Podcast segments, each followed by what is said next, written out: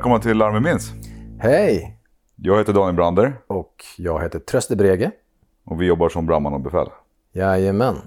Dags för ett nytt avsnitt. Ja, kul. Hur har det varit sen sist? Det har varit bra. Ja, Ehm, vad har jag gjort sen sist? Jag har jobbat med dig. exakt. Det är- Det är som vanligt med andra ord. Ja. Ja, men härligt. Eh, Men podden då? Mm. Vi eh, läser ju upp varannan gång Ja. ett larm. Jajamän. Vems tur är det den här gången? Idag är det din tur. Det är det. Jag ska berätta om en eh, brand som jag var på. Ja. I en källare faktiskt. Mm. Som, eh, ja, tog en liten vändning som vi inte hade riktigt väntat oss. Okej. Eh, Det är väl ungefär det. Tröst, jag tycker du kan köra igång. Ja, det ska jag göra. Men först vill jag säga att jag kommer berätta om det här larmet från mitt perspektiv, så som jag minns det. Och jag har tagit bort namn och platser för att skydda de eh, inblandade. Snyggt. Kör.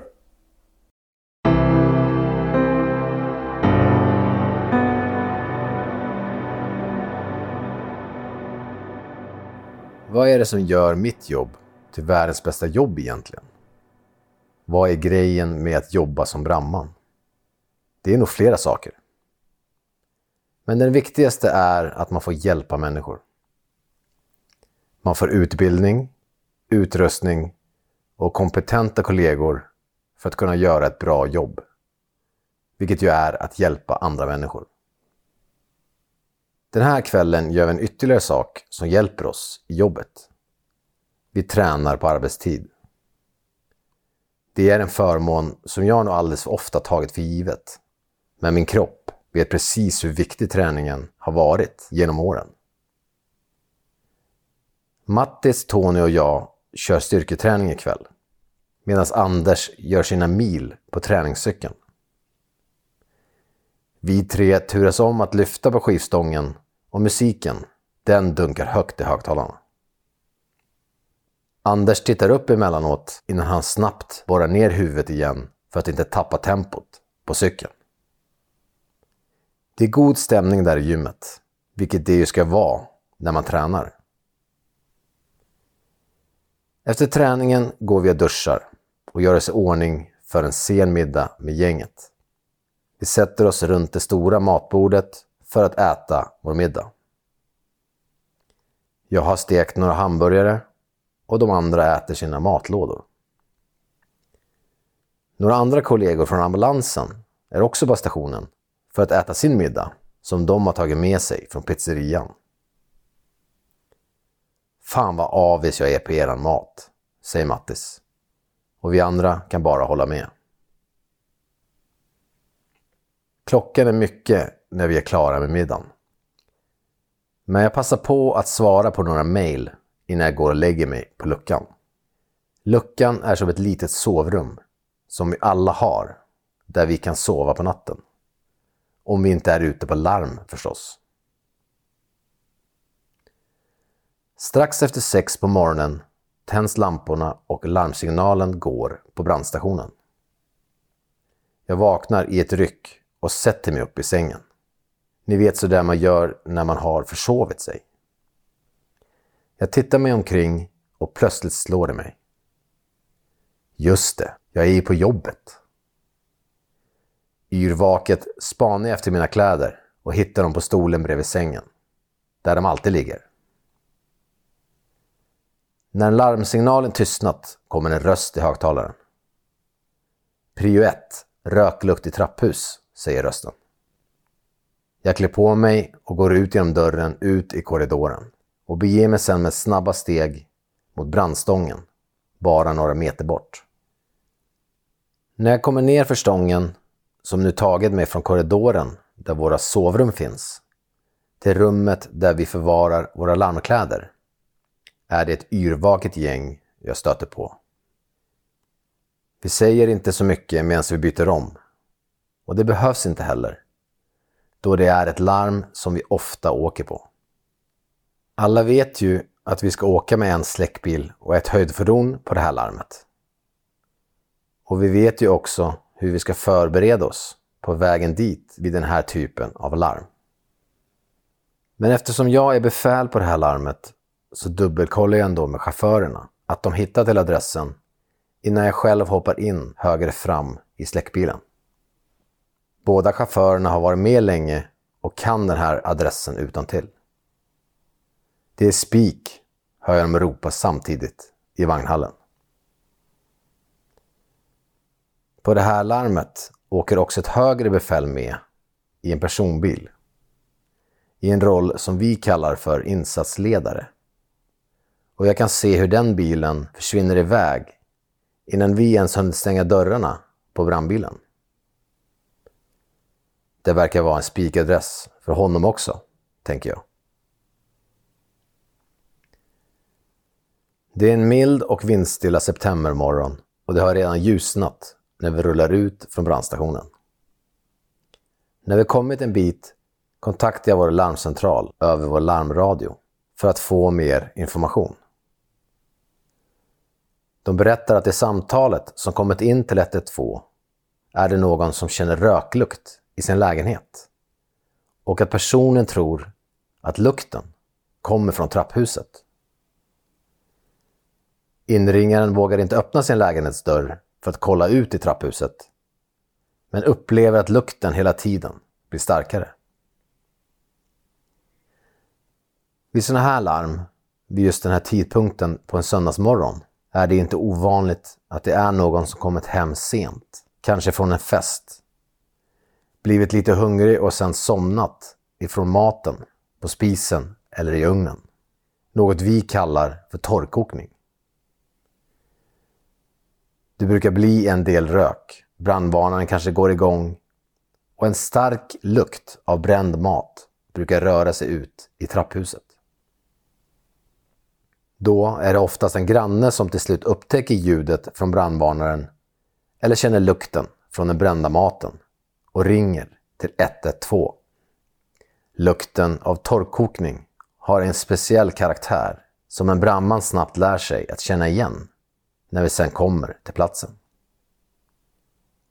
Torrkokning kan utvecklas till en riktigt farlig situation om den inte upptäcks i tid eller snabbt hanteras på rätt sätt. Men är vi där tidigt så är oftast den största utmaningen för oss på de larmen att försöka väcka personen som somnat ifrån maten. Men den här gången ska det visa sig vara något helt annat. För när vi rullar över den stora bron med mindre än en kilometer kvar hör vi insatsledarens röst på radion. Flera trapphus rökfyllda. Ni måste skicka mer förstärkning, säger han på radion till vår larmcentral. Det där låter inte som någon torrkokning, tänker jag.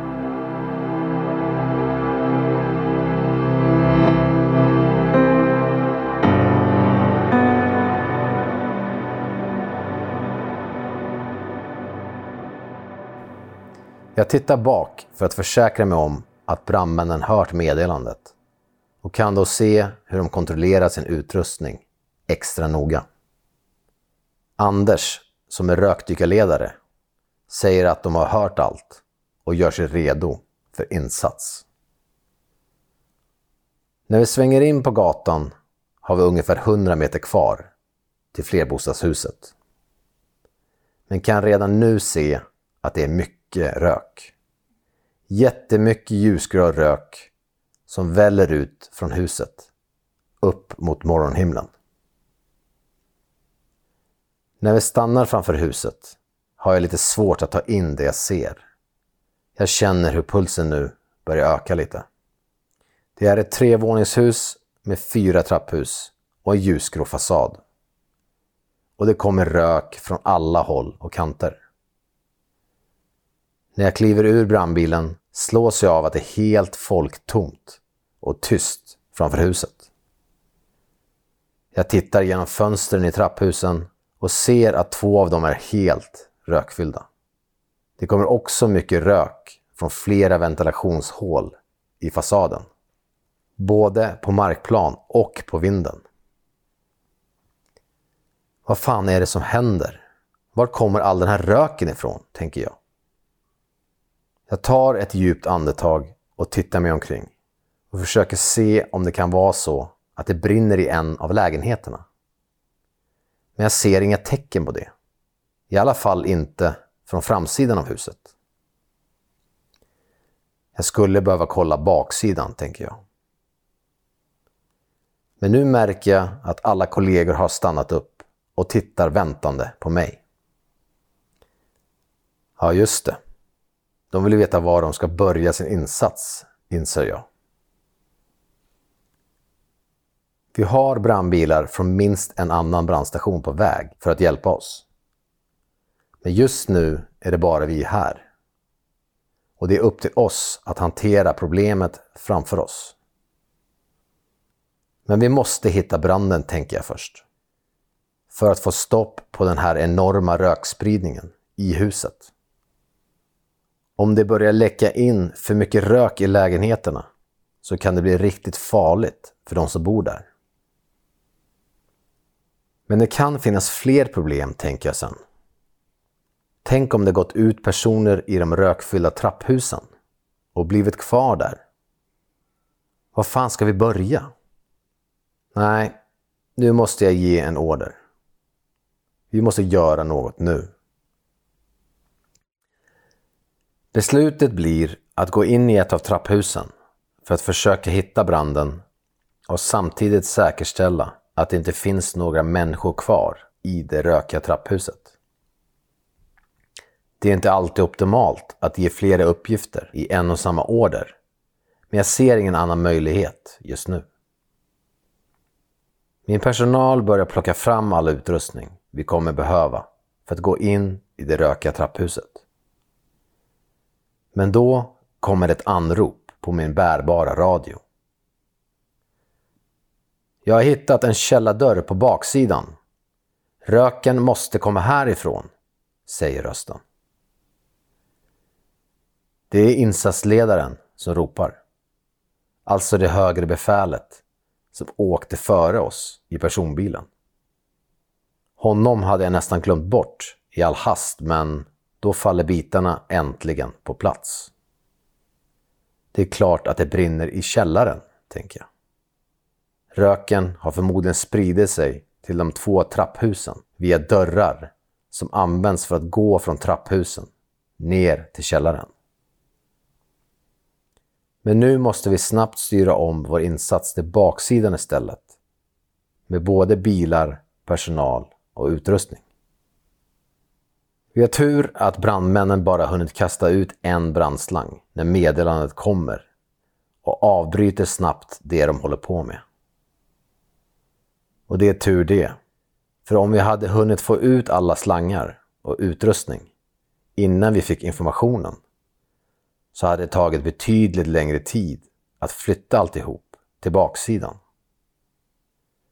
Men nu hjälps vi istället åt med att bära grejerna runt huset medan chauffören flyttar på brandbilen. När jag kommer runt hörnet ser jag hur insatsledaren håller upp en källardörr där det trycker ut enorma mängder rök. Han har lyckats låna nycklar av en person som står på en närliggande balkong. Så vägen inför oss är redan ordnad, vilket kommer att spara oss en hel del tid. Och nu rasslar det bara till. Och innan jag vet ordet av det är alla slangar vattenfyllda och brandmännen redo för insats.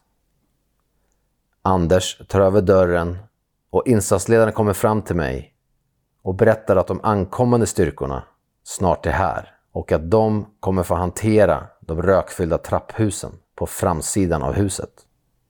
Vi får hantera branden här på baksidan. Men innan jag hinner vända mig om för att ta ett sista snack med rökdykarna kommer en polis fram till oss och säger från ingenstans. Bara så ni vet så brukar vi hitta sovande människor i den här källaren. Jag och insatsledaren tittar först frågande på varandra. Men förstår direkt att vår uppgift nu måste ändras. Vi ska inte bara in och släcka branden, utan vi ska nu även in och leta efter människor i den brinnande källaren.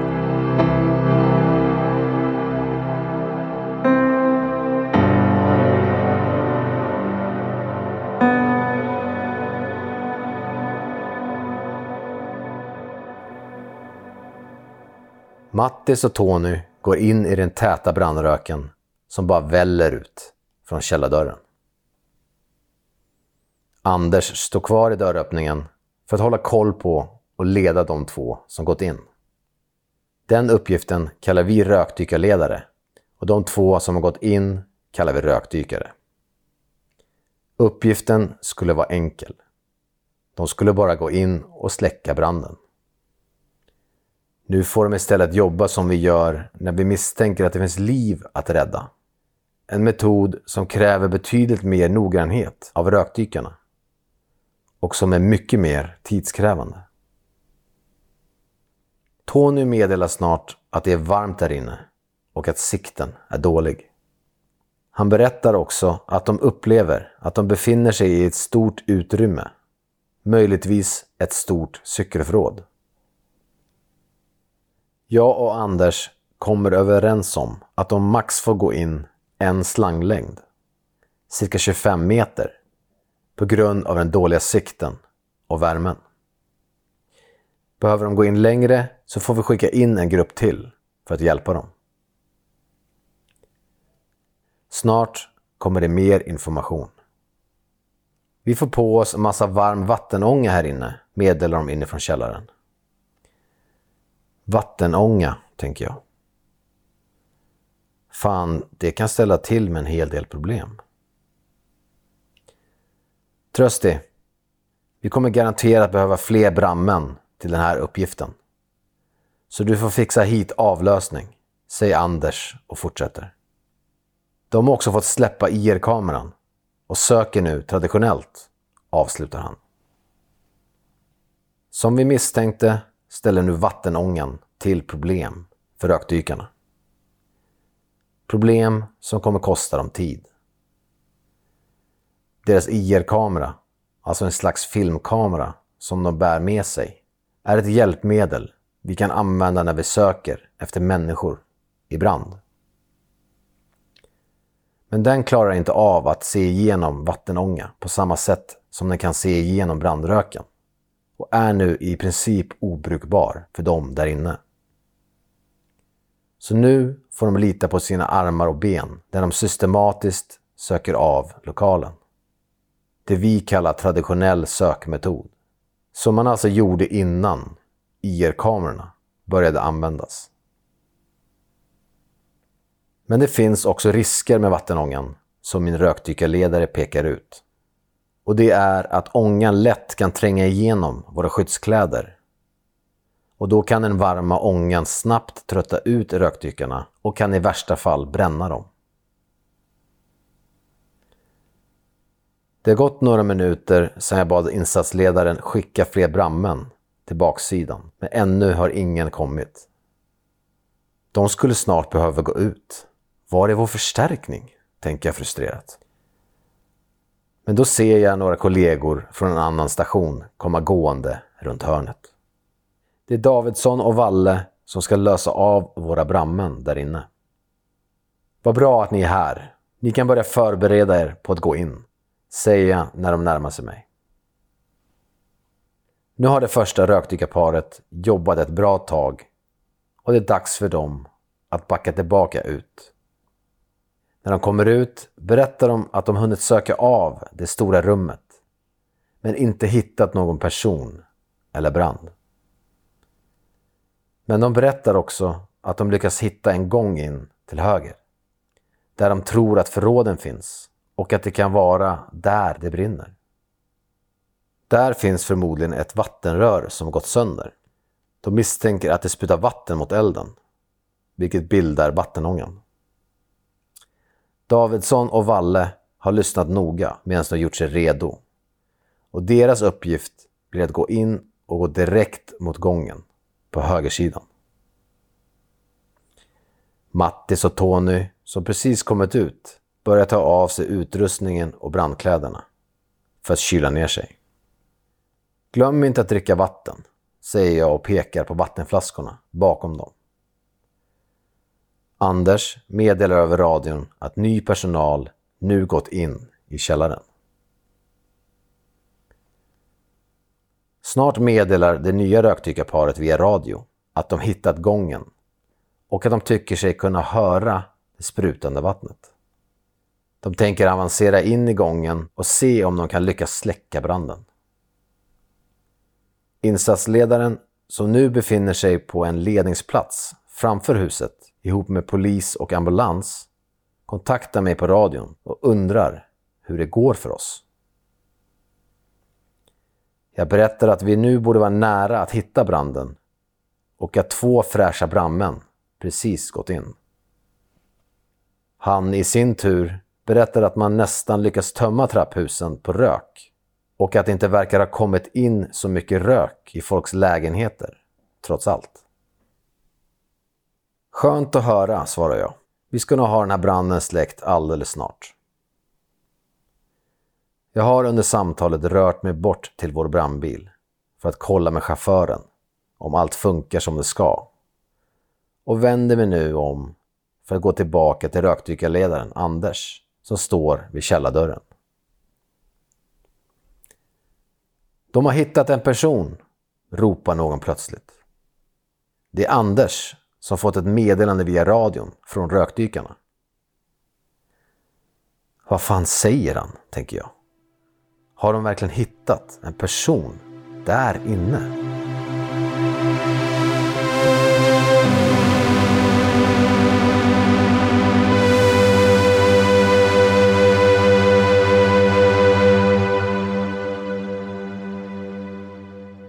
De undrar om de ska ta ut personen, fortsätter rökdykarledaren.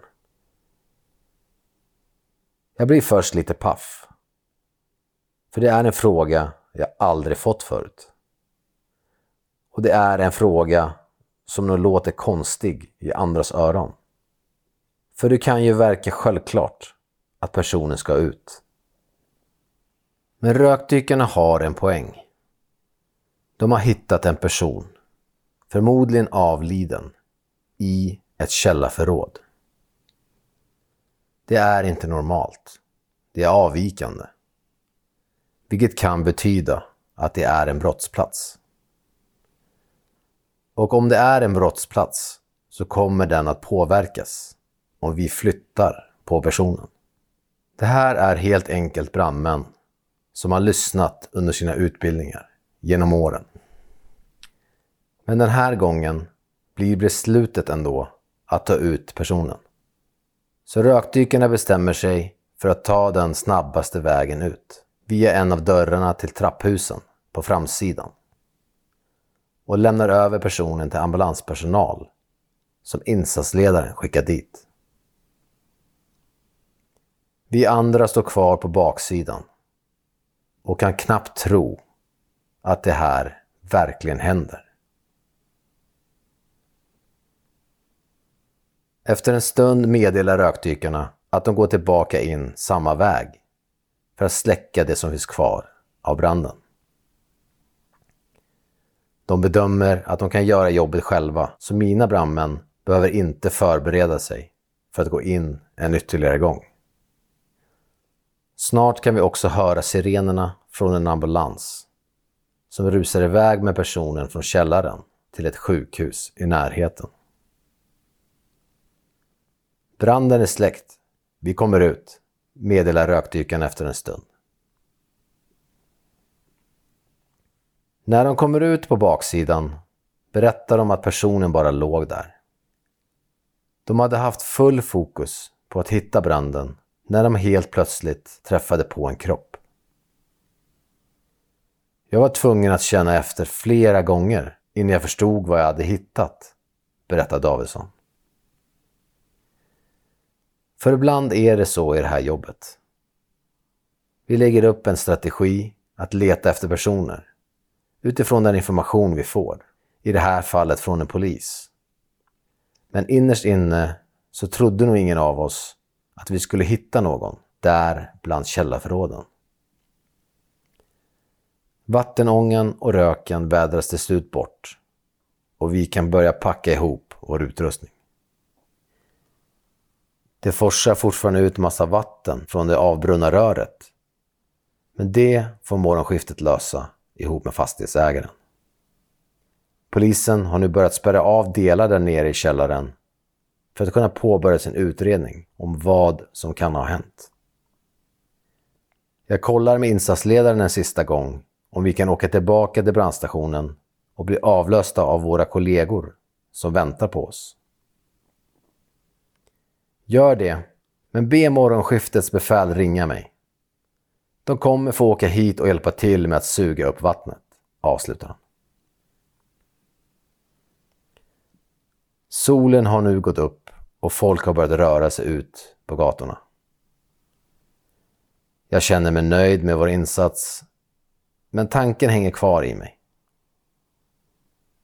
Varför hittade vi en person i en brinnande källare? Jag undrar om vi någonsin kommer få veta vad som har hänt.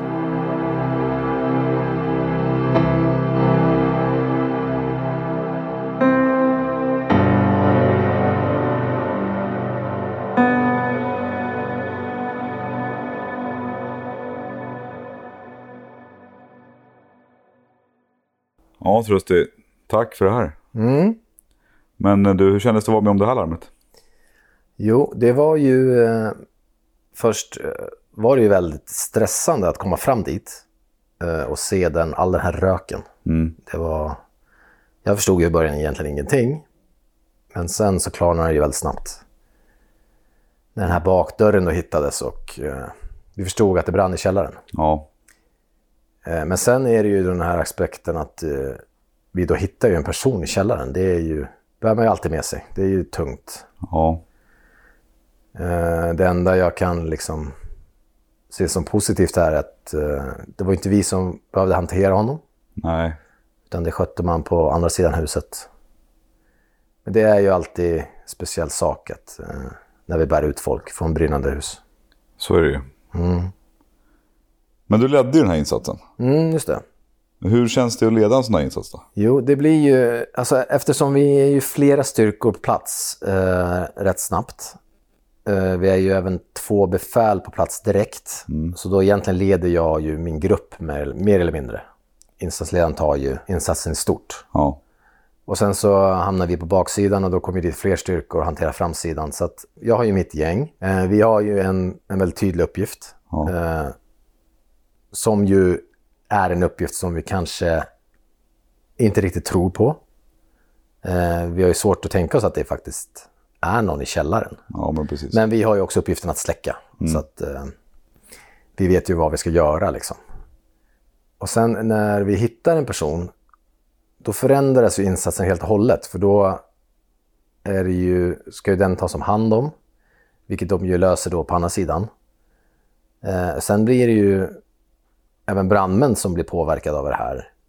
Eh, så då får man ju även tänka på det när de kommer ut sen, att liksom försöka snacka lite med dem. Ja. Eh, Så att det blir ju många, många fler saker att tänka på. Så att det är väl det i stora drag så att säga. Men vad tycker du var svårast då? Ja, bra fråga. Alltså det, det, som, det var ju egentligen många saker som var svåra. Det var ju svåra saker när vi kom fram. En svår sak var ju att veta var man ska börja någonstans. Ja. Eh, Eftersom man har ju så många möjligheter. Eh, Man kan gå in i vilket trapphus man vill. Eh, Man också fler, jag upplevde också som att jag hade flera hot. Ja. Alltså vart, den här röken, vart kommer den ta vägen? Rök är ju alltid dåligt. Rök är ju både giftig, rök sprider ju även branden eftersom, eftersom rök kan ju bli väldigt varm. Så att det blir väldigt svårt att ta det första beslutet. Men jag kände ju även när vi gick till baksidan att eh, då lämnar vi ju framsidan Ja. och trapphus med rök i. Ja, men precis. Och det är också svårt att, att ta det beslutet. Okej, men vi, vi kommer fokusera på att få stopp på rökspridningen, alltså Ja. släcka branden. S- Men sen är jag ju samtidigt orolig att det kan finnas folk i trapphuset. Alltså det är ju väldigt många faktorer som är... Men man måste bara ta beslutet. Nu, nu gör vi det här. Någonstans måste man göra ett val. Liksom. Ja, det blir det. Och, eh, sen om det är rätt eller fel val, det får vi bara hoppas att det är rätt. Ja. Vi måste ju göra något nu. Men det var ganska hög värmebelastning där också, hur? Mm. Hur mår rökdykarna med den typen av värmebelastning? Alltså, det hade nog kunnat vara värre om den här vattenångan hade varit varmare. Eh, det var ju väldigt mycket vatten jämfört med brand kan man säga. Så Ja. mycket frångades inte. Eh, men vattenånga kan ju vara varm och dålig för våra röktykare. Det blir ju så att den värmen de får på sig stannar kvar mer i dem om det är vattenånga Ja, och inte varm rök så att säga. Så det gör ju att de blir ju tröttare snabbare. Eh, och som jag nämnde så kan det ju även bli så att de bränner sig om vi har otur. Och så det är många risker med, med, med vattenångan. Så att, eh, och värme. Jag menar, det är ju ändå tillräckligt varmt när det brinner. Man behöver inte ha mer grejer heller. Liksom. Nej, precis. Alltså våra larmställ de klarar ju väldigt mycket temperatur. Men när vi blir blöta och fuktiga, det då, då slår ju liksom värmen igenom. Verkligen. De är ju tänkta för torr värme så att säga. Ja. Så att vatten med våra kläder, det är inte bra. Nej. Men fick ni reda på vad det var som hade brunnit då? Nej, vi fick ju inte det. Det var ju, det var ju väldigt tydligt att någon har ju vistats där nere i ett av förråden framför allt eh, under en tid. Eh, så det var väldigt mycket saker där. Eh, det mesta av det hade ju brunnit eller var skadat av branden. Eh, polisen valde att göra en, en mordutredning initialt. Eh, sen, vad som hände sen, det vet jag faktiskt inte riktigt. Nej. Eh, det blev väldigt tyst. Eh, jag har till och med försökt googla det här. Ja.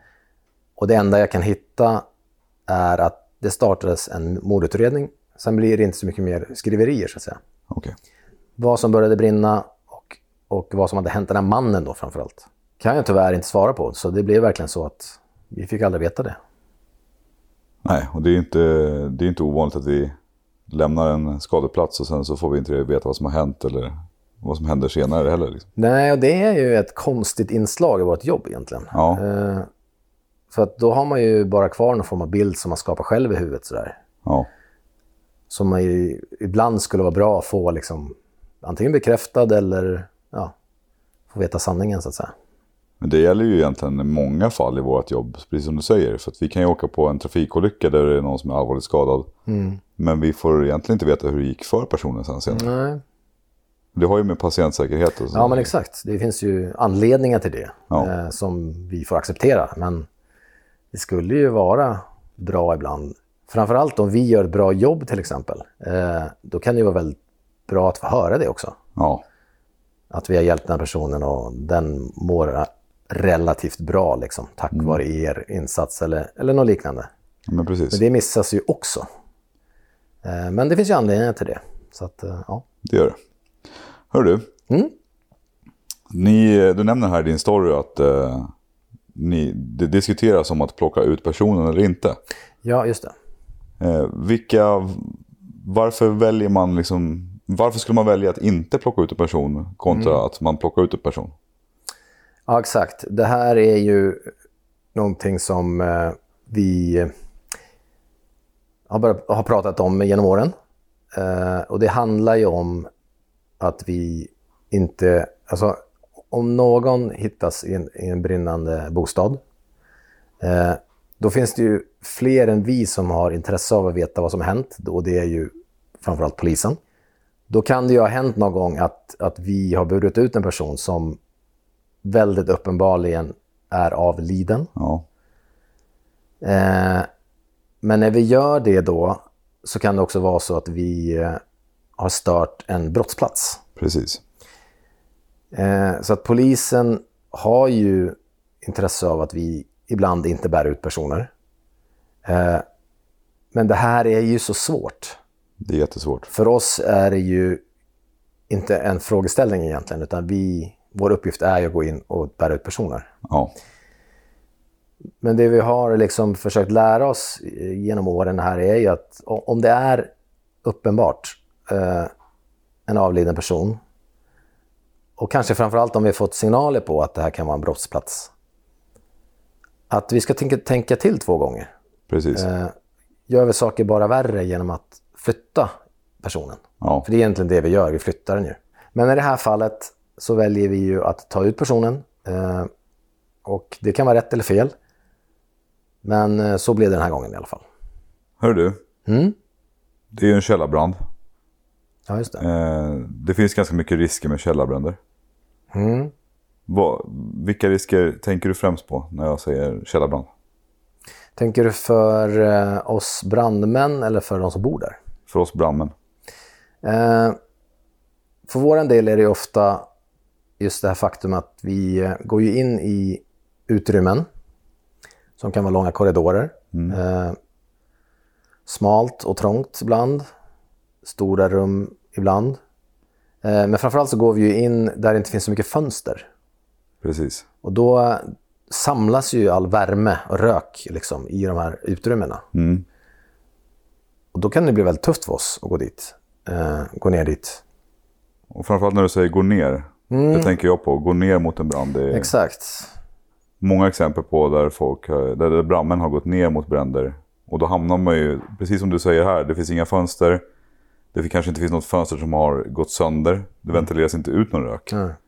Vilket gör att vi kommer gå ner i princip i en skorsten. Mm. Med brandgaser som är enormt varma. Exakt. Vi får ju liksom ingen hjälp av, av någonting. Eh, så att det där är ju en enorm risk som vi tar.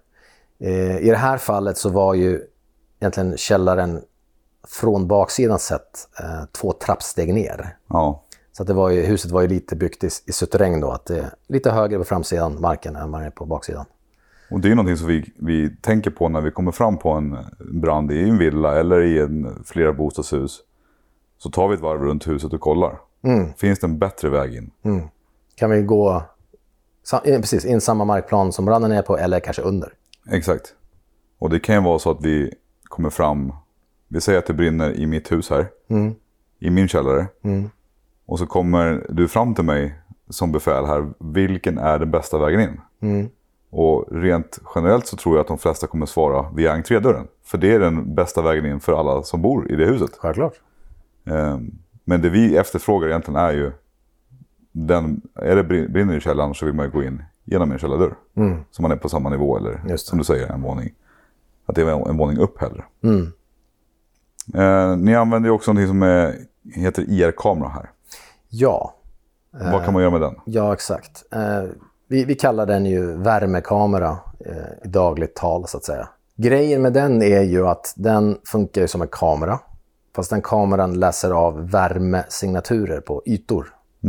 Så om en yta är varmare än en annan så kommer vi se det när vi sveper kameran över en vägg. Så om, om en vägg är varmare på ena stället och, och kallare på ett annat ställe så kommer vi svepa över väggen. Då kommer vi se att ja, men där är det kallare och där är det varmare. Jag vet inte om det här är begripligt alls. Kör på trösten. Ja, eh, så det vi använder den för främst är ju när vi går in i byggnader så kan vi ju för det första läsa av miljön. Alltså vi kan titta upp i taket. Vad är det för värme i taket? Och värmen i taket egentligen handlar om hur varm är röken i taket. Exakt. Vi kan inte vara i hur varm rök som helst. Plus att varm rök också kan ju göra att andra saker brinner och sådär. Ja, Men vi letar ju också efter människor med den här kameran. För att fördelen med den är att vi ser ju igenom röken kan man säga. Eller så här, den ser inte röken. nej. Den ser bara de här varma ytorna. Så den ser bara väggarna. Eh, Men våra ögon ser inte väggarna för att det är rök emellan. Precis. Och då kan man se någonting som är svalare på marken. Ja, och en människa är svalare än ett brinnande rum. Och då kan vi se en kontur av en människa där i hörnet rätt snabbt. Exakt. Och kan då storma in och, och hämta den. Så den har ju egentligen flera syften. Den har ju dels syftet att eh, se miljön. Vad har vi för temperaturer runt omkring oss? Eh, vi kan se flöden av rök, eh, alltså brandgaserna. Så vi kan, vi kan förstå vart ifrån branden kommer i den här byggnaden. Vi kanske också ser ganska tydligt att branden kommer från den där dörren in i det rummet till höger där. Exempelvis. Så att vi kan följa branden eh, samtidigt som vi då kan söka personer. Just det. Mycket bra verktyg. Det är väldigt bra verktyg och jag hoppas att vi har förklarat det så att ni förstår. Eh, för att det är ytterligare en grej är ju då att den kan ju inte se genom vattenångan. Nej. Den har problem med det. Eh, och det är också det som händer här inne, att de inte kan använda den helt enkelt. Exakt. Då får man ändra sitt sätt att leta runt i rummen. Mm. Eh, och då har vi en annan metod så att säga, som är mer tidskrävande och... Eh, Traditionell rökdykning som man gjorde förr. precis. Innan kameran kom. Innan tekniken kom, kom ifatt brandkåren. Ja, men så kan man säga. Ja. Mm. Men du, det blir en hel del efterarbete på den här branden också. Mm, det blir det. Berätta lite om det. Vad gör vi då? Det. I det här läget handlar det främst om det här vattnet som då sprutar på elden som bildar vattenångan. Eh, kommer från ett avbrunnet rör. Ja. Ett vattenrör som egentligen bara sprutar och sprutar och sprutar och sprutar. Eh, det här vattnet ham- hamnar på golvet. Eh, det var nog rätt dåligt med brunnar där nere. Så att mycket av vattnet blir kvar på golvet. Vi har ju som uppgift att i det akuta läget, alltså så fort som möjligt, kunna ta bort det här vattnet. Eh, om ingen annan kan göra det förstås. Precis. Men vid den här tidpunkten på morgonen så är det ju, går det inte jättefort att få tag på företag som, det finns ju jourfirmor, men de kanske har långt att köra så att säga. Då har ju vi möjlighet att hjälpa till och, och suga upp vattnet. Exakt. Eh, och sen vet jag att de lämnade sen över till en sån här jourfirma som liksom, ja men skötte resten, så här, gjorde fin jobbet. Vi gjorde grovjobbet, tog upp det mesta vattnet och de skötte fin jobbet liksom. Och det kallas ju då för restvärdesräddning. Precis. Det var det som vi pratade om i elfte våningen. Det har vi pratat om tidigare, det stämmer. Men du, från det att ni får det här larmet Mm. tills dess att ett, det här larmet egentligen är klart, branden är släckt och sådär. Ja. Vad skulle du säga att det tog i tid ungefär? Wow. Vad tar en sån här insats i tid? Ja, En brand i en källare? Det är jättesvårt att säga för det är olika beroende på hur, hur mycket det brinner och allt sånt där. Men ungefär, om du tänker liksom en källarbrand, vad, vad brukar det ta i tid för oss att jobba? Ja, exakt. Det är en jättebra fråga. Eh, Jag tror att den här tog två, två, två och en halv timme, alltså vår del i insatsen, ska jag säga. Eh, Det här med vattnet, det, det gjorde ju någon annan efter oss, alltså Ja. de som löste av oss. Eh, Och det är väl en ungefärlig tid för sån här insats, skulle jag säga. Eh, Vi fick ju dit snabbt mycket hjälp Ja, eh, och det förkortar ju tiden avsevärt, skulle jag säga. ja så att- I den region vi jobbar i får man ju snabbt hjälp. Det går väldigt fort. Ja, och där är vi ju väldigt privilegierade liksom att vi det är så många brandbilar på så liten yta. Ja, Eh, Så det här gick ju egentligen väldigt fort kan man säga. Och egentligen hade det hade vi inte haft problem med vattenångan hade det ju gått ännu snabbare. ja. Alltså egentligen mycket snabbare skulle jag säga. Nu stökar det ju till sig Ja, så det drog ju lite ut på insatsen men ändå inte så mycket. Eh, Så ungefär där skulle jag säga. Men det är lite kul att du nämner just att där, just där vi bor är vi väldigt privilegierade med det här att vi har ganska mycket förstärkningar fort. Jag menar, när jag pluggade räddningsledare eh, hade jag kollegor från liksom, ja, men ut, i, ut i Sverige, liksom, ut i landet.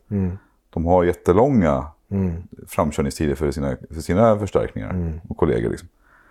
Så att, eh, det är ju väldigt svårt och komplext. Och vi Absolut. ska vara rädda om de räddningstjänsterna som är, som är få ute i landet. Ja, de, ja, verkligen. De gör ju ett hästjobb alltså. Och, och just att vara själv så där länge, jag vet inte. Det, det känns skrämmande Ja. eh, när man är så här bortskämd som vi är. Vi är bortskämda. Ja, verkligen. Så det, det, det är nice, Mm. kan jag säga. Ja, men vad bra. Mm. Trösti, jag har fått in frågor. Jaha, okej. Lyssnarfrågor. Ja, ja okej. Ja, men kör. Eh, vi börjar med den första då. Hur blir man brandman? Ja, okej. Eh, det kan man bli egentligen på flera sätt. Mm. Eh, men jag tror att den liksom starkaste vägen, skulle jag nog säga, är att plugga. Mm. Eh, utbildningen som heter SMO. Det är en eftergymnasial utbildning som eh, Myndigheten för samhällsskydd och beredskap håller i, Exakt. eh, MSB. Ja. Eh, det kan man googla, SMO eh, utbildning tror jag. ja. Det är en utbildning som riktar sig mot att bli brandman. Ja, det är ju det, precis. Eh, sen finns det ju som vi, vi har ju egentligen gått... Vi gick en helt annan väg. Vi gick en helt annan väg kan man säga. Eh, vi blev ju del, började jobba på deltiden först. Ja, exakt. Eh, och sen på den vägen nästlade oss in. Jaha. Smög in på ett bananskal. Man skulle generellt sett kunna säga att pluggar man SMO, det är ena vägen att gå. Ja. Den andra vägen att gå det är att eh, men börja på en deltidsbrandstation och liksom därifrån sen söka sig till en heltidstjänst kanske. Eh, I, liksom, I närheten där, man, där, man, där det finns heltidsstationer. ja. Men som vi nämnde innan också, i, i avsnitt, ja, mitt avsnitt innan här så var, är det ju 70% är ju faktiskt deltidsanställda brandmän i Sverige. ja. Så Så att, och, och, det, och för att bli deltidsbrandman ska jag säga, där ju, går det ju mycket lättare. precis, jag, jag tänker egentligen, vad är frågan? Det är, frågan är bara att bli, bli brandman. Ja. Eh, det behöver inte vara på heltid. Exakt. Så att jag menar, det är ju att bli deltidsbrandman. Där skulle jag säga så här att eh, kolla med er eh, brandstation. Behövs det folk? Eh, jag vet att det är många räddningstjänster som söker folk, skickar ut annonser. Men jag tror att de må- många brandstationer ute i landet, så bara man anmäler sitt intresse så, så är de säkert sugna på att plocka in en. Det tror jag absolut. Men vad ska man tänka på då innan man söker som till brandman eller skolan? Liksom? Alltså, det, det, är ju, det finns ju vissa tester man behöver göra. Mm, Och Ett test är ju gångbandstestet. exakt. Eh, det kan man också googla vad det innebär. Ja, Eh, men det testet tycker jag absolut man bör testa innan man gör det liksom för att söka in till ett jobb eller utbildning. precis. Prova det innan Prova det innan. på och- gymmet. Liksom, och bara ta, ta på sig något viktbälte och klä dig i jättemycket kläder. Och Ja, testa för att bara få känna på det. Liksom. det kan vara jättebra. För det är speciellt. Eh, jag minns när jag gick det första gången. Det var inte någonting jag hade förväntat mig. Eh, så det, var, det kan vara väldigt bra att liksom ha testat för att ta bort den chockfaktorn. Typ. Ja, Eh, sen tycker vissa att det inte är speciellt jobbigt och vissa tycker det är jättejobbigt. Det, det, det är något helt annat. Men, men bara testa på. Det, det är väldigt bra. och har ni någon brandstation i närheten där ni kan få åka och göra sina tester på? Alltså testa, ring ner och kolla. Mm, verkligen. De kan säkert hjälpa till. Ja, Det är ju olika, olika i olika delar av landet, men ring och fråga kan man göra. För du är inne lite på den här chockgrejen när du gjorde rullbandstest. Och det, gjorde faktiskt, det fick jag också första gången jag gjorde det. Det är ju det att man, man tittar på testerna, men hur länge ska man gå? Man ska gå, jag tror det är åtta minuter. Och det är en viss lutning på det här rullbands, eller gångbands, gångbandet liksom. Men det är inte problemet. Problemet är att man blir inte av med värmen. Exakt. Man, är jätte, man, blir jätte, man har ju larmstöd på sig när vi gör de här. mm. Och det är en speciell känsla. Ja, för värmen försvinner inte. Nej, och det är något man måste liksom ha känt innan. Ja. Ja, Men och, ring till brandstationen och Ja, kolla om ni får komma och testa. gör det.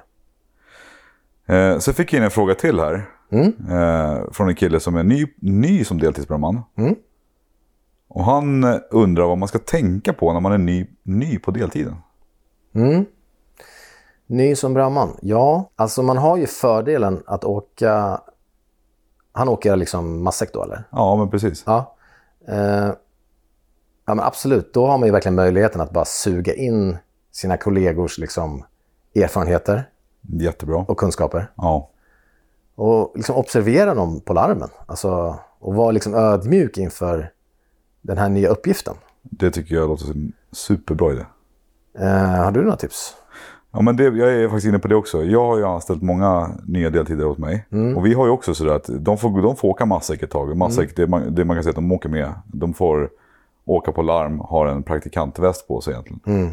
Eh, vilket, eh, och det, det är egentligen för att de ska få erfarenhet av att åka.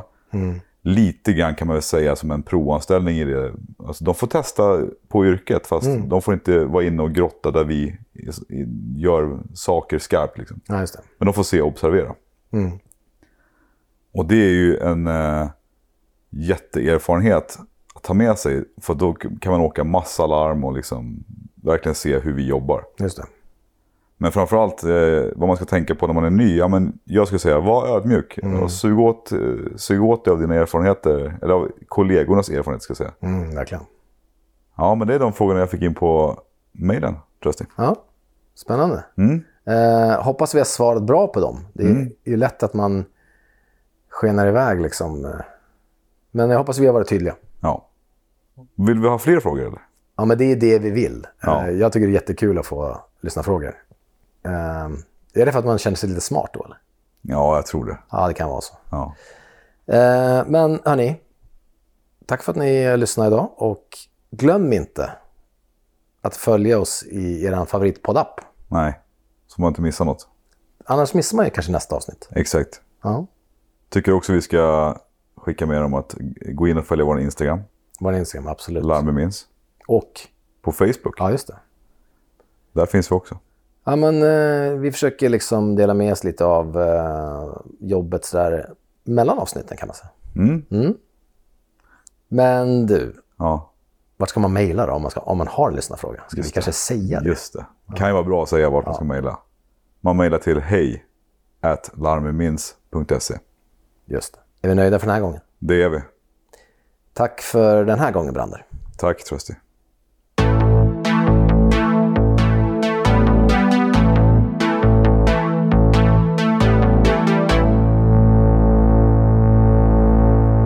Larm vi minns produceras av Malin Brege, Trösti Brege och Daniel Brander.